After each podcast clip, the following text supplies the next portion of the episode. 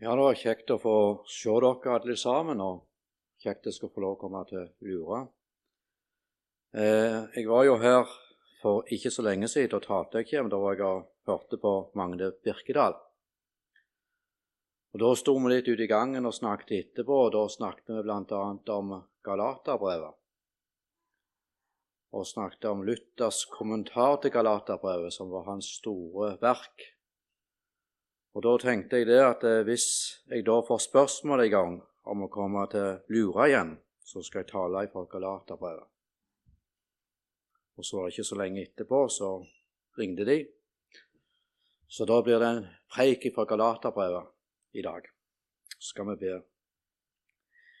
Kjære Jesus, jeg vil takke deg for at vi skal få lov å samles om ditt ord og i ditt navn. Og jeg takker deg for det vi har fått hørt i innledningen, og hvordan du er imot oss. Du utsletter syndene våre og til med overtredelsene. Takk, Jesus, for at det er borte fra ditt åsyn, og det er kasta i nådens hav, der det er ingen mulighet for å fiske og få napp.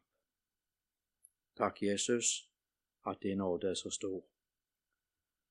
Og så ber jeg Jesus om at du kunne få velsigne ordet ditt til oss, at det kunne bli til hjelp for oss i vandringen mot himmelen. I ditt navn. Amen. Vi skal lese fra Galaterbrevet fra kapittel 2 og vers 17 til 3 og vers 5. Eh, men dersom nå også vi da vi søkte å bli rettferdiggjort i Kristus, selv ble funnet å være syndere, er dermed Kristus blitt en tjener for synden? Langt derifra. Men dersom jeg bygger opp igjen det jeg har revet ned, da viser jeg meg selv som en lovbryter. For jeg er ved loven død for loven for å leve for Gud. Jeg er korsfestet med Kristus. Jeg lever ikke lenger selv, men Kristus lever i meg. Det liv jeg nå lever i kjødet, det lever jeg i troen på Guds sønn, Han som elsket meg og ga seg selv for meg. Jeg forkaster ikke Guds nåde for rettferdighet å få ved loven. Da er altså Kristus død uten grunn. Uforstandige galatere, hvem har forhekset dere? Dere som har fått Jesus Kristus malt for øynene som korsfestes. Bare dette vil jeg få vite av dere. Var det ved lovgjerninger dere fikk Ånden, eller var det ved å høre troen forkynt? Er dere så uforstandige? Dere begynte i ånd. Vil dere nå fullende i kjød? Så meget har dere opplevd forgjeves, om det da virkelig er forgjeves. Når Gud altså gir dere Ånden og gjør kraftige gjerninger blant dere, gjør Han det ved lovgjerninger eller ved at dere hører troen forkynt. Amen. Det ser ut, uh, når jeg leser Bibelen, og litt ifra egne erfaringer at det er vanskelig for oss å leve i nåden uten innblanding av loven, uten innblanding av meg sjøl. Eller for å si det slik uten innblanding av gode læresetninger, kunnskap eller opplevelser. Paulus han talte skarpt til menigheten i Galatia om å holde seg på veien, nemlig at nåden, evangeliet, var livet og kraften og ingenting annet. Paulus han maler ut for oss den forskjellen der er mellom å være under loven eller å være under nåden. Eller for å si det på en annen måte hvordan vi som har kommet til tro på Jesus, igjen kan bli lagt inn under loven uten at det meste merker det. Evangeliet, Kristus, kommer i bakgrunnen i livet og i det som vi ønsker å høre når vi samles om Guds ord. Som om vi kan det. Paulus var så gjennomsyra og gjennomtrengt av det å være under loven og trelde med sitt liv før Gud møtte han utenfor Damaskus. Og det gjennomsyrte den erfaringen han hadde fra før av i det han skrev, så skal bli til hjelp og rettledning for oss for all framtid. Og Når jeg leser Galaterbrevet, så er det som jeg merker noe av smerten som holder på å ta overhånd, hansje Paulus. En hellig vrede og en uro. Hvis vi går til kapittel 1 og vers 6, så sier han det slik Jeg undrer meg over at dere så snart vender dere bort fra Ham som kalte dere ved Kristi nåde til et annet evangelium. Jeg undrer meg over at det er slik. Dere som har fått malt Kristus korsfesta for øynene på dere. Tror du at Galaterbrevets budskap er viktig for oss? Tror dere det? at vi som sitter her igjen, kan bli lagt inn under loven med vårt liv og vår vandring. Med all respekt for oss og dere som har forkynnere her, og den åndelige forståelsen vi har av Guds ord, og den lekmannstradisjonen vi står i, så tror jeg det ingen av oss som opplever en slik mektig forkynnelse som Paulus sto i der han da malte ut Kristus som korsfesta for de i lov og evangelium. Det blir prenta inn, og det er malt, slik at du ser det, du studerer det, du ser hans skjønnhet, og ser han for meg. Likevel så måtte han forkynne til dem. Jeg undrer meg at dere så snart kommer inn under loven igjen.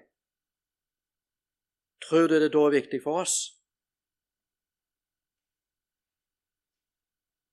Nå, det tror jeg. Vi står i fare for å legge noe til Kristus, til vår rettferdighet. Det er nå engang slik at galaterne forkasta ikke Kristus, men det måtte være noe i tillegg som bevis på at de var i trua, nemlig omskjærelser, gjerningen, ytre ordninger som de la på folket. Det er når dette kommer inn i sjela vår, ditt hjerte og mitt hjerte, at vi blir ufri. Det blir ufred. Det blir ukjærlighet. Det blir et åndelig kaos. En kan legge byrde på hverandre, og kanskje også kan en legge ytre tegn som det viktigste, og ikke om Kristus er maten for sjela. Ser da, forskjellen på det? Jeg kommer til å sitere litt fra Luther og Luthers Galaterbrevs kommentar. Og Et av sitatene til Luther når han legger ut for oss Galaterbrevskommentaren, det er slik Hvis rettferdiggjørelsen nå ikke skjer ved nåden, men ved loven, hva har da Kristus utrettet ved sin lidelse, forkynnelse, seier over synd og døden og utsendelse av Helligånden?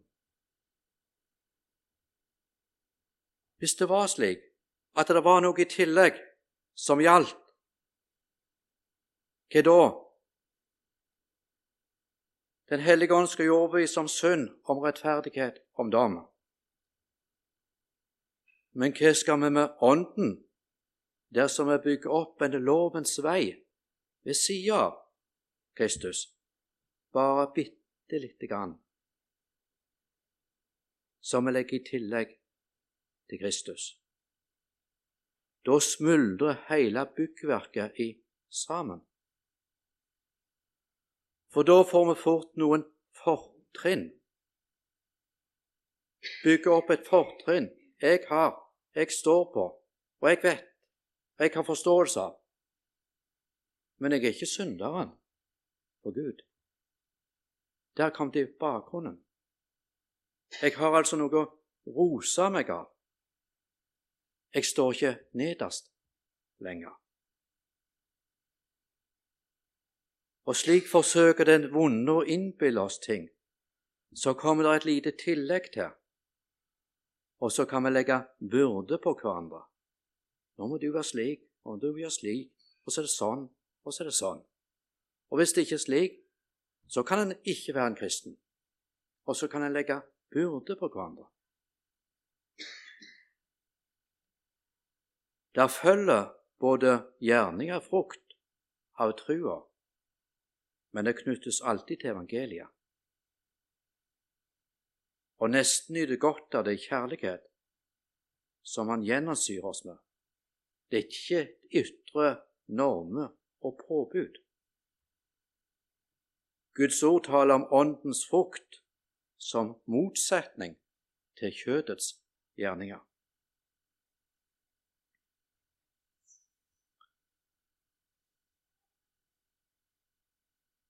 Og Jeg må tenke på mitt liv, og du kanskje tenke på ditt liv. Hva har du og hva har jeg rett opp i livet mitt de siste år, eller de år jeg har levd? Hva er det med meg og deg som Gud i himmelen gjør at Han tar imot oss? Hva er det? Hva er det med meg? Hvis jeg tenker på ytre påbud, eller det jeg gjør, eller slik som jeg er? Hva er det med meg? Hva er det i livet mitt som gjør at jeg nå er en kristen? Med meg, altså. Er det noe? Og har du noe, da har du ingenting. Men den som har ingenting, han får alt utenfor seg sjøl i Kristus. Ser du hvordan Paulus for ramme alvor forsøker å få de inn på sporet igjen før det er for seint, og de har kjørt seg fast på lovens vei?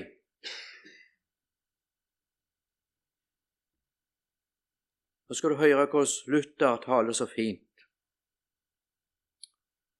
For Kristus er Guds lam, som bærer verdens synd.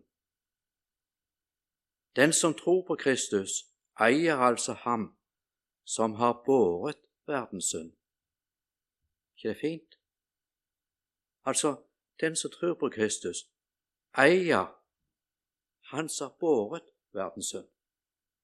Altså, jeg er under eierskap av Jesus. Jeg eier han, og han eier meg. Bare på grunn av det. Og så sier Luther hvis verdens synd er båret bort, er den også båret bort fra meg, som tror på ham. Hvis synden er blitt båret bort, er også vreden ryddet av veien. Og hvis vreden er ryddet av veien, så er døden og fordømmelsen det også. Og istedenfor synd er det kommet rettferdighet, istedenfor vrede forsoning og nåde istedenfor død liv, og istedenfor fordømmelse evig frelse. Denne atskillelse skal vi ikke alene lære med ord, men også lære å virkeliggjøre, og hva sier Luther da? I det praktiske liv. Vi er så opptatt igjen av det praktiske livet. Og da tenker vi gjerne på ytre normer og former og lov og bud og påbud og ikke påbud. Men det er her vi trenger først og fremst å lære i det praktiske liv og sjølve vår følelse, sier Luther. For Kristus er der skal det være en god samvittighet. Og det trenger vi å lære i det praktiske liv. For når jeg eier Kristus, da har jeg god samvittighet. For synden er borte. Kristus har tatt den. Jeg har god samvittighet om jeg har overtredelser. Skjønner du? Om jeg har synd. Om dagen har vært totalt mislukka, så har jeg god samvittighet for hvis det er det som jeg har, og det som jeg gjør, og slik som jeg er, skulle ha betydning, da gjør jo Guds nåde til ingenting. Mens vi måler det ut ifra dagen vår og hvordan den er, og så begynner vi å automatisk begynner å legges inn under loven igjen. Jeg vil ikke tro på Guds nåde når jeg er slik, men jeg må først bli slik. Og så sier Bibelen det helt motsatt. Her må vi lære oss å lytte seg i det praktiske livet. At syndenes forlatelse, det gjelder uansett. Her skal det være god samvittighet, og her skal det være glede.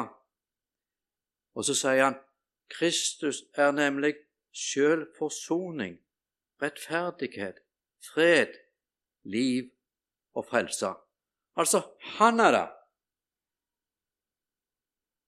Og dermed er det slik. Når han er, og jeg er han, da er det slik. Og hva som helst, sier Luther, den ulykkelige samvittighet søker, så finner vi det hos Kristus.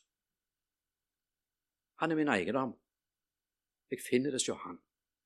Han er min, og du er hans.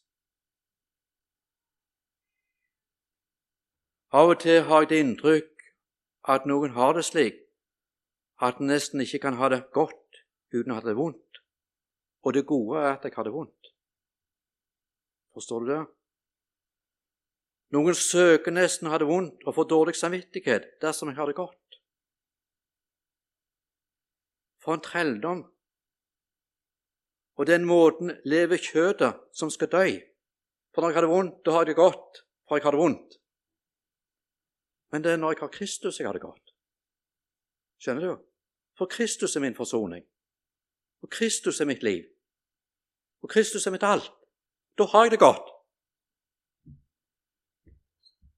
Og det er så viktig for oss. For ellers så kan vi legges inn under loven igjen, utbemerka. Tenk det. En må liksom gå med en anklage for et eller annet for å kunne ha det godt. Men evangeliet, det skaper fred, glede, takknemlighet i hele menneskelivet. For jeg står i nåde hos Gud.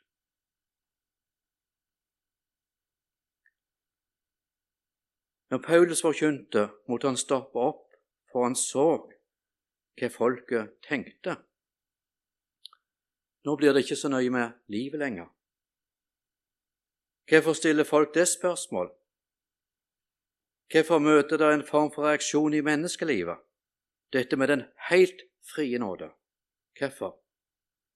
Jeg tror det er fordi at noen er redd for at noen skal få nåden for lett og for enkelt.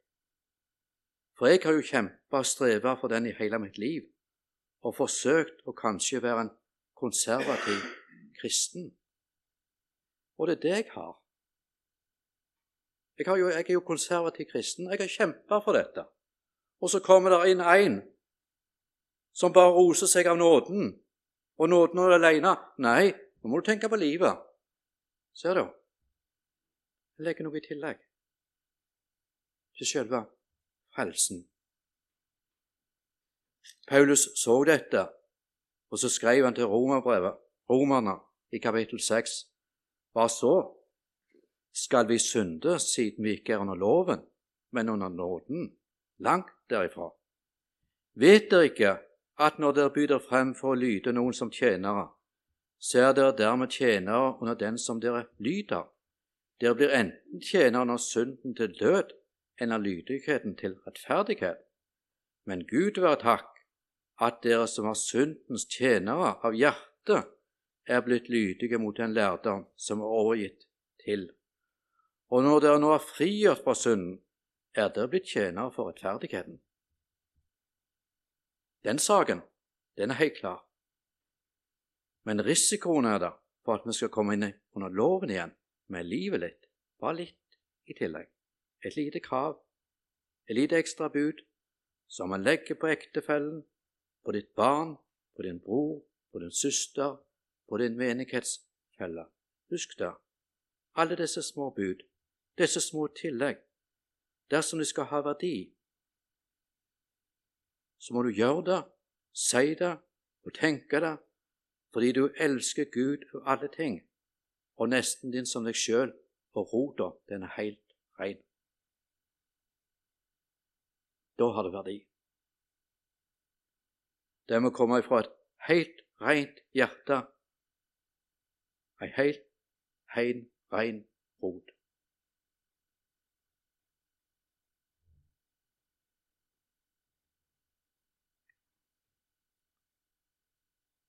Det i liv jeg nå lever i kjødet, det lever jeg i troen på Guds sønn, Han som elsket meg og ga seg selv for meg. Midt i det som Paulus skriver her i Galatbrevet, så kommer han med dette personlige vitnesbyrd. Det liv jeg nå lever i kjødet, det lever i troen på Guds sønn, Han som elsket meg og ga seg sjøl for meg. Ser du det personlige vitnesbyrdet. Jeg er død for loven. Jeg er ferdig med det som betydning for frelsen. Dødt bort fra Han ved Kristus, slik at det livet jeg nå lever, det lever jeg i trua på Guds sønn. For en tid tilbake igjen så så jeg hjemme og les dette verset her. Og det er den eneste gangen jeg har strekt unna med gult i min bibel. Og da kom det så sterkt for meg disse to ordene meg, meg. Han som elsket meg og ga seg selv for meg. Og så, når jeg så der, så setter jeg inn mitt navn i denne setningen han som elsket Lorentz og ga seg selv for Lorentz. Så ble det òg mitt vitnesbyrd. Jeg forkaster ikke Guds nåde, for Han elsker meg, og Han ga seg sjøl for meg.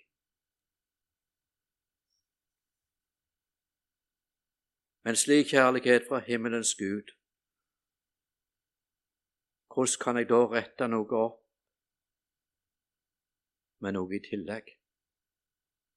Han har jo elska meg og gitt seg sjøl for meg. Så da er det helt naturlig for Paulus å vitne om jeg forkaster ikke Guds nåde. For er rettferdighet å få ved loven, da har altså Kristus død forgjeves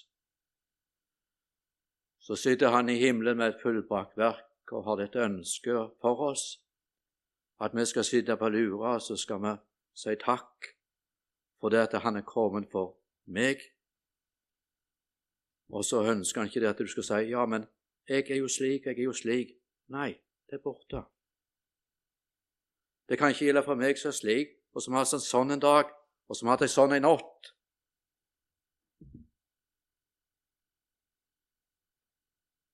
Det er borte, det der, ifra Guds åsyn. Alt det der. Er da rettferdighet å få over loven? Nei, da er Kristus død forgjeves.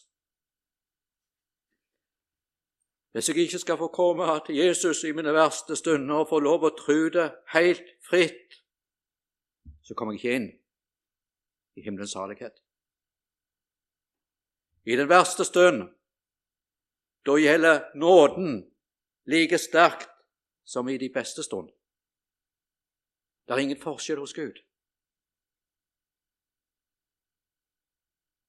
Og det er helt fritt.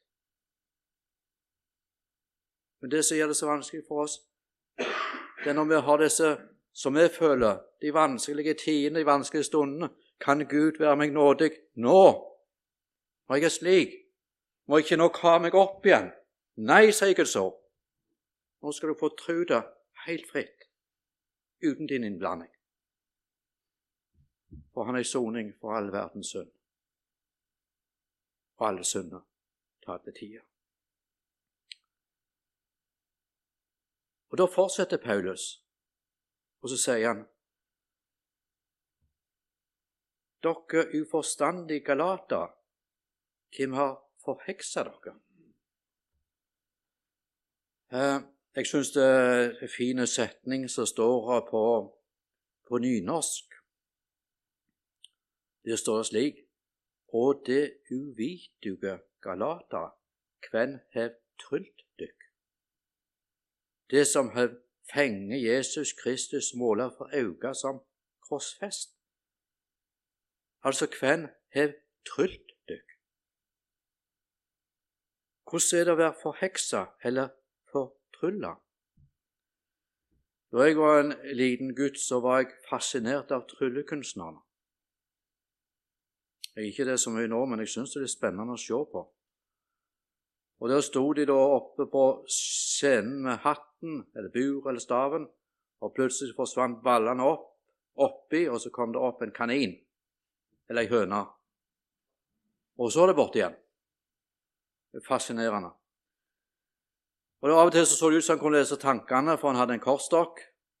Så tok han en fra publikum opp en kort, og så fant han ut hva kort dette var etterpå. Altså, han hadde en evne til å skape et sansebedrag. De var mestere til å få sansene til å tro og se og tenke på noe, slik at han ikke forstår hva som skjer.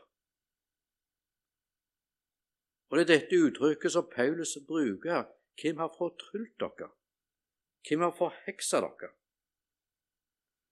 Sånn at dere tror noe annet enn det som er virkeligheten i forhold til lov-evangeliet, i forhold til nåden.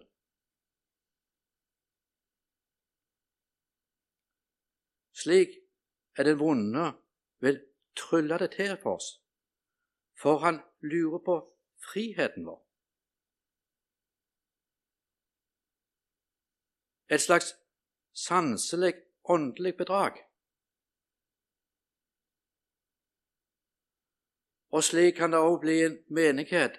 Der blir sånne ugudelige meninger som en lar seg fange av, som en opplever som sanne og fromme. Noe på lovens vei, noe i tillegg. Og så legger en ut noe. Av og til så sier det slik at det, det er noen som har en tanke. Så legger en ut en tanke som en har. Og så prøver en å finne et Guds ord som passer til min tanke. Og da er det ofte løsrevet fra sin sammenheng. Så hvis du ser i sammenhengen, så var det ikke det som en egentlig sa, som tanken hans. Det var ikke det som sto i Bibelen. Men Guds ord, det står i en sammenheng og det er Guds ord, det er det som skal forkynnes, ikke min tanke. Av og til så kan det mest være slik at vi Jeg skal ikke dra det for langt, men, men, av og til så kan vi si det i, i vår sammenheng at uh, jeg kjenner det på ånden, om det er rett eller galt. Og så spør jeg av og til ja, hvor står det i Bibelen, da? Nei, jeg klarer ikke å finne det i Bibelen, jeg kjenner på Ånden. Ja, men har vi så sterk åndelig dømmekraft at vi kan dømme noe som åndelig uten at det er samsvar med Skriften? Plutselig så beveger oss vi i en lytta sammenheng over noe karismatisk og tror på Ånden løsrevet fra ordet. For Ånden er knytta til Ordet, og Ordet til Kristus. Jeg har ikke den tillit til min åndelige dømmekraft at hvis jeg ikke ser det samsvar med Ordet, så kan jeg ikke si at jeg har den dømmekraften. Det er kun i samsvar med Ordet at jeg har rett til å si at slik er det. Og så kan en tro det er noe annet enn det, åndelig sett. En blir fortrylla til å tro noe annet.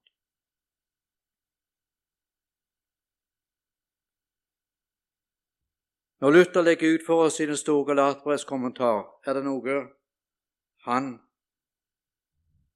er redd for, nemlig hvor mange de som var i Galatia, var så forheksa på den veien hvor de la noe i tillegg til evangeliet som sjølve kjennetegnet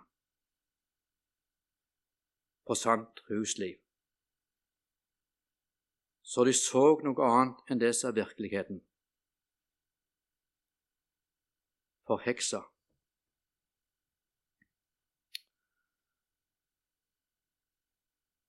Eh, jeg er litt redd for at vi gjerne kan bli mer fascinert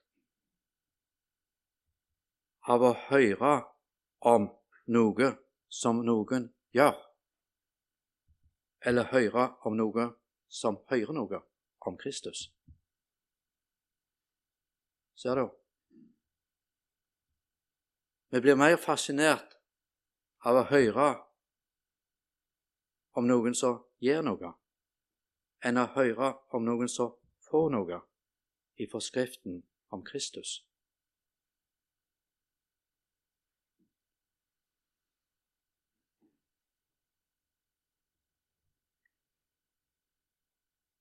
Forhekselsens ledere, sier Luther, opphavsmann kan ikke opp utholde sannheten. De er opptatt av hvordan de kan motsette seg sannheten, og hvordan de kan parere de beviser og skriftsteder som blir anført mot dem. For de er grepet av og overbevist om at de har den viseste sannhet og den eneste rett innsikt i Skriften. De som har en slik overbevisning, vil ikke høre på andre og langt mindre vike for dem. Og Det sier Luther, som var så tydelig på lov og evangelium og var redd for disse ting.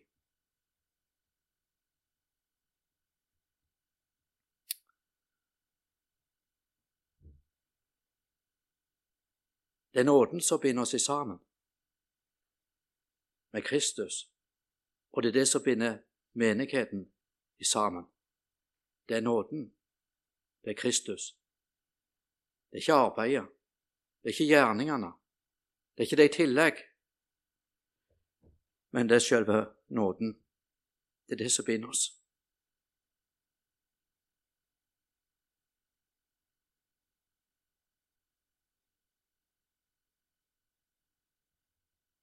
Det er ikke bare i Galatia det var utfordringer med at folket kunne komme bort fra Kristus. Det var jo slik i Korint.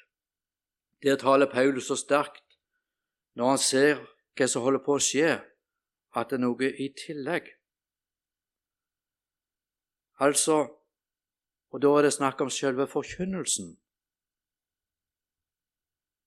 En tåler en forkynnelse som ikke er blodets og forsoningens forkynnelse. Jeg vet ikke om jeg har rett, men jeg tror vår tid, tror jeg, er ei tid som bruker det uttrykket er blodfattig. Det kan godt hende jeg bedømmer det feil, men jeg tror at vår tid er blodfattig. blodfattig.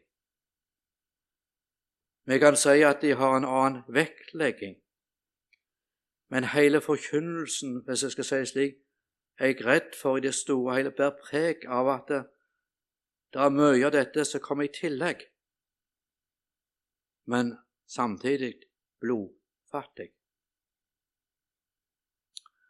Og slik var det i Korint, og Paulus skriver til dem om det. I 2. Korinteren 11, fra vers 3.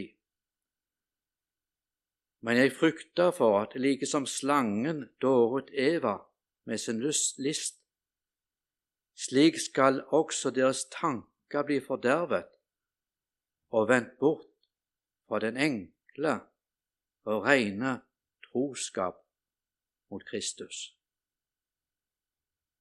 For om det kommer en til dere og forkynner en annen Kristus, som vi ikke har forkynt, eller om dere får en annen ånd, som dere ikke før har fått, eller et annet evangelium, som dere ikke før har mottatt, da tåler dere det så gjerne. Og da sier vi gjerne det, ja, de bare vektlegger litt andre ting. Men det er det samme. Men Paulus sier til korinterne den enkle og rene troskap om Kristus, den er blitt borte. Den har dere ikke bruk for lenger. Den er borte fra dere. Og det andre som blir forkynt, som er ei annen ånd, som et annet evangelium, det tåler dere så vel. Blodfattig.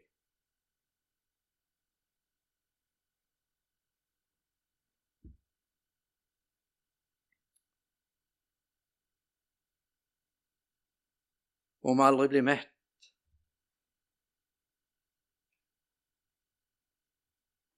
Og må aldri bli slike som det er det enkle budskapet om Jesus at det er noe som ikke er maten for oss lenger. At det smaker ikke lenger. For det er noe annet som er kommet inn, som blir viktigere, og som gir meg noe mer. Men selve evangeliet og selve at Jesus er kommet for meg, det gir meg ikke noe lenger. Og det er jeg så redd for.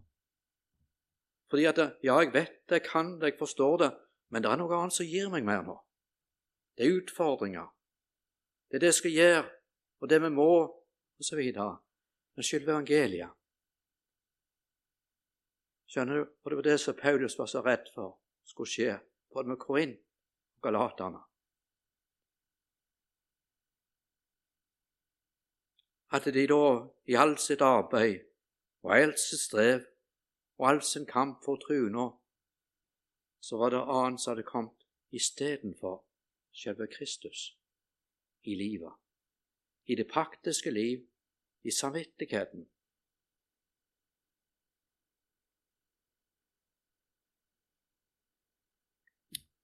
Før så reiste jeg opp av og til til Haugesund når jeg var i banken. Og Der var jeg innom en gammel mann. Jeg vet ikke om jeg har fortalt det her før, men jeg sier det igjen. Og Jeg reiste inn til denne gamle mannen fordi at uh, han ga meg alltid noe. Og når jeg var i mitt modus, så kom jeg inn til han, og da var det alltid gildt å få stanse hos den gamle mannen. Og jeg var alltid velkommen. En gang for 15 år siden, han er død nå, ca. 15 år siden så var jeg inne. Da setter vi oss ned, og da leser han for meg fra andre kongebok fire. Og så leser han. Og hun gikk fra ham og lukket døren etter seg og sine sønner. De bar karene frem til henne, og hun helte i. Da karene var fulle, sa hun til sin sønn, Bær fram enda et kar til meg. Men han svarte, det er ikke flere kar. Da stanset oljen. Så kom hun og fortalte det til Guds mann, og han sa, Gå og selg oljen og betal din gjeld. Så kan du og dine sønner leve av det som blir til overs. Oljen, den var der så lenge det var tomme kar og så er det nok til å betale hele gjelda. Så sa denne gamle mannen, som var 80 år da, så hadde levd et langt liv. Jeg er redd for at jeg ikke skal være slik tomt kar som Jesus får fylle i mitt liv. Og når han hadde den redselen liggende over seg og levde i den åndens fattigdom, så fikk jeg åndelig påfyll. Ser du? Da gikk jeg ut fra det huset med glede. Men det var ikke med lovgjerninger, men det var ved evangeliet. Og Det er så underlig, den historien, hva det var nok til å betale hele gjelda. Og det var noe til overs for de andre. Det opplevde jeg i nærværet med denne gamle mannen. Han levde i at gjelda var betalt, og da var det automatisk noe til overs for meg. Det er hemmeligheten i evangeliet. Det åpenbares ved Ånden.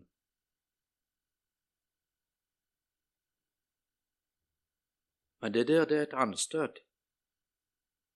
For det er utenfor både i frelsen og i tjenesten utenfor oss.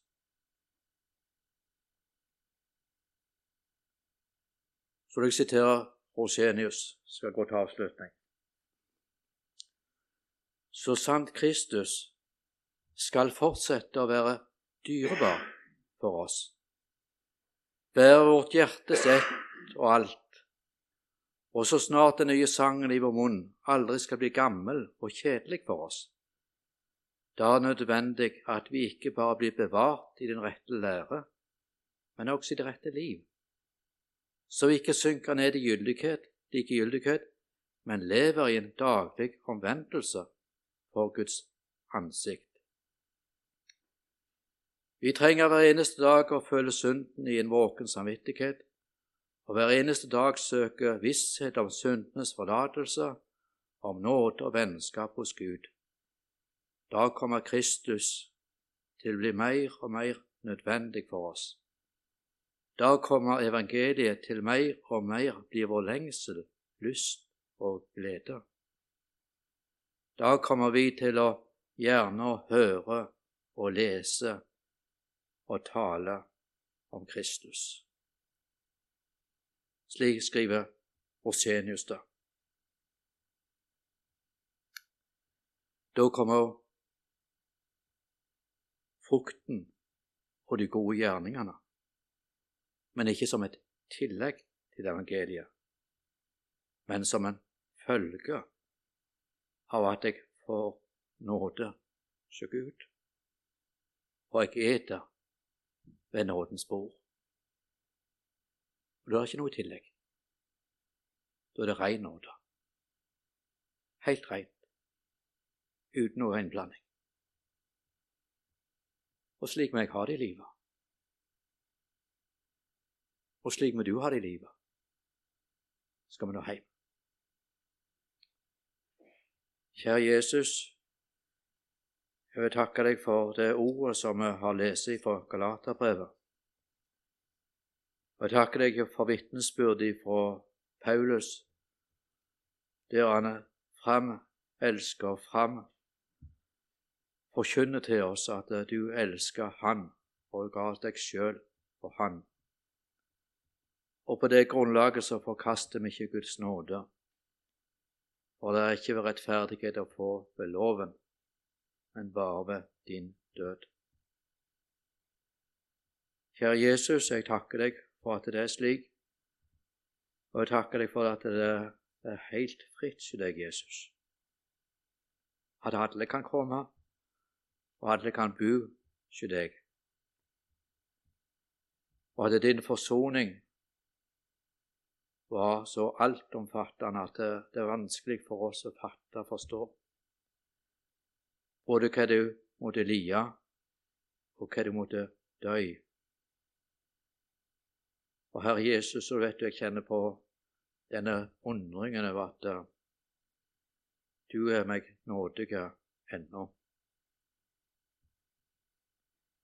At din død og din seier er så altomfattende at ikke bare tilgir det som var før, men du tilgir det som er nå. akkurat nå. Og så tilgir du for alt disse for all framtid, inntil jeg drar mitt siste pust. Så altomfattende er din forsoning, og så sterk er han, og så er han for alle mennesker. Det takker jeg for. Herre Jesus, jeg ber deg om at du kunne få dra oss her inn i dette budskapet og inn i den store nåde der du har gitt oss. At det ikke må komme noe tillegg til oss, at vi ikke må legge byrde på hverandre. At loven ikke må komme og ta bort gleden og freden og samvittighetens frihet til oss.